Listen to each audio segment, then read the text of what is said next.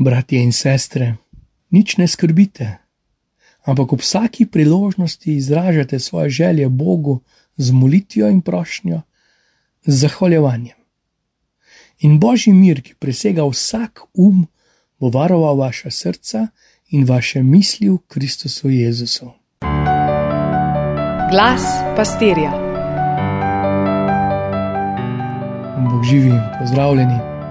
27. nedelja med letom, smo že močno stopili v pastoralno leto, narava pa daje svoj pridelek. Še malo pred vrati je zahvalna nedelja, ko še mnogo kje okrasimo crkve s pridelki iz njiv.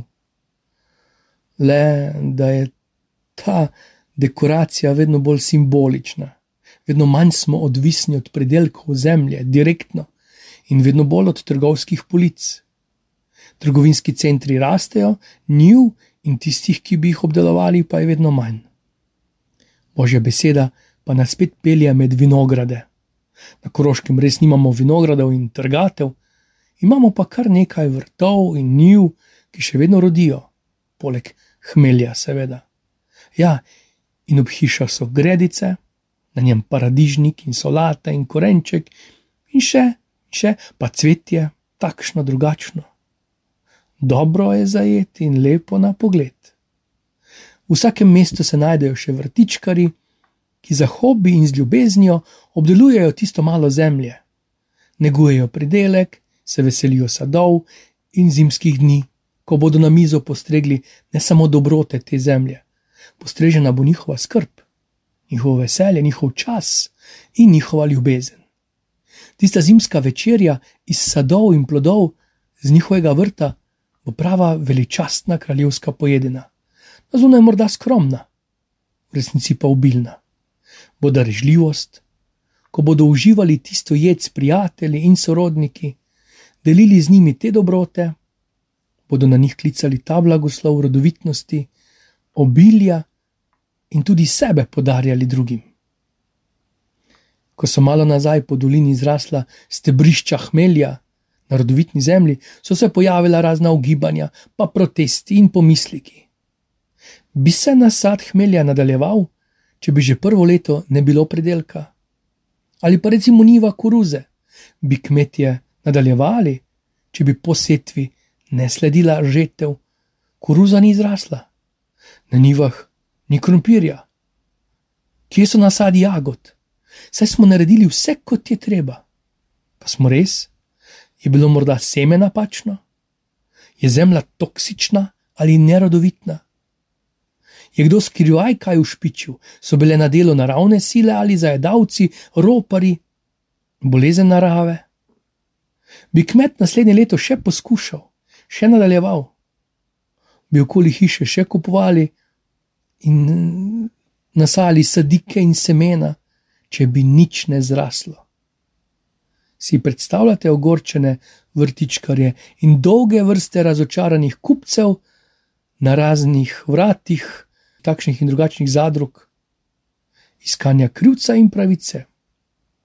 Kakor je nekomu lahko to lažbo in veselje njegov mali sadovnjak okoli hiše, njegov čebeljak, nekaj cvetličnih lončkov na okenski polici ali dolga niva krompirja, ki je tudi preživetje in način življenja.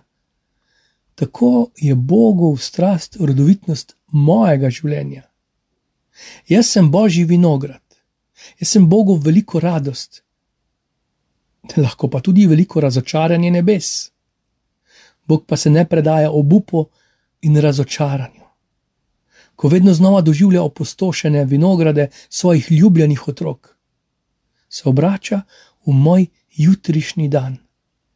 Pušča za seboj včerajšnje ali celotno dosedanje zavračanje njegove ljubezni in spet sklepa zavezo. To je čudež Božje ljubezni. Njegovo kraljestvo bo obrodilo sadove. V božjih očeh sem tudi jaz, ki sem lačen, njegov ljubljen, njegov otrok ko mi prihajajo na misli moja osebna razočaranja. Nisem razočaral drugih, ne Boga, največkrat sem razočaral sebe. Koliko krat sem prelomil besedo, zvestobo, obljubo, ki sem jo naredil sam sebi. Od jutranjega vstajanja do pospravljanja postelje, molitve, discipline pri hrani, pijači, uporabi časa, pri domačih nalogah, hišnih opravilih, pri uporabi vljudnih besed, hvala, prosim, oprosti, dober dan, kaj šele kletvic, obrekovanja.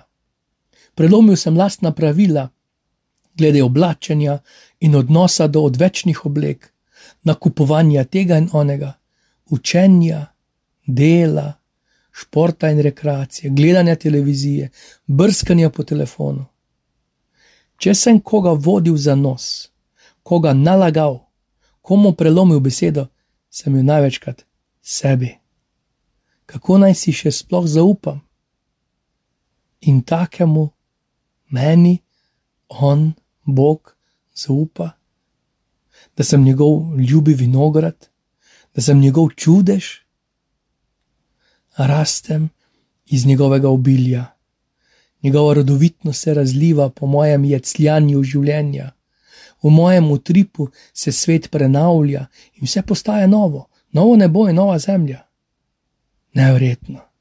Bil sem v posmeh, sedaj postajam njegova obljuba, njegova prerogba. Blagoslova in veselja, kar ozri se okoli, koliko lepote in bujnosti, in nadeni si njegov pogled. Z Bogom, vse dobro.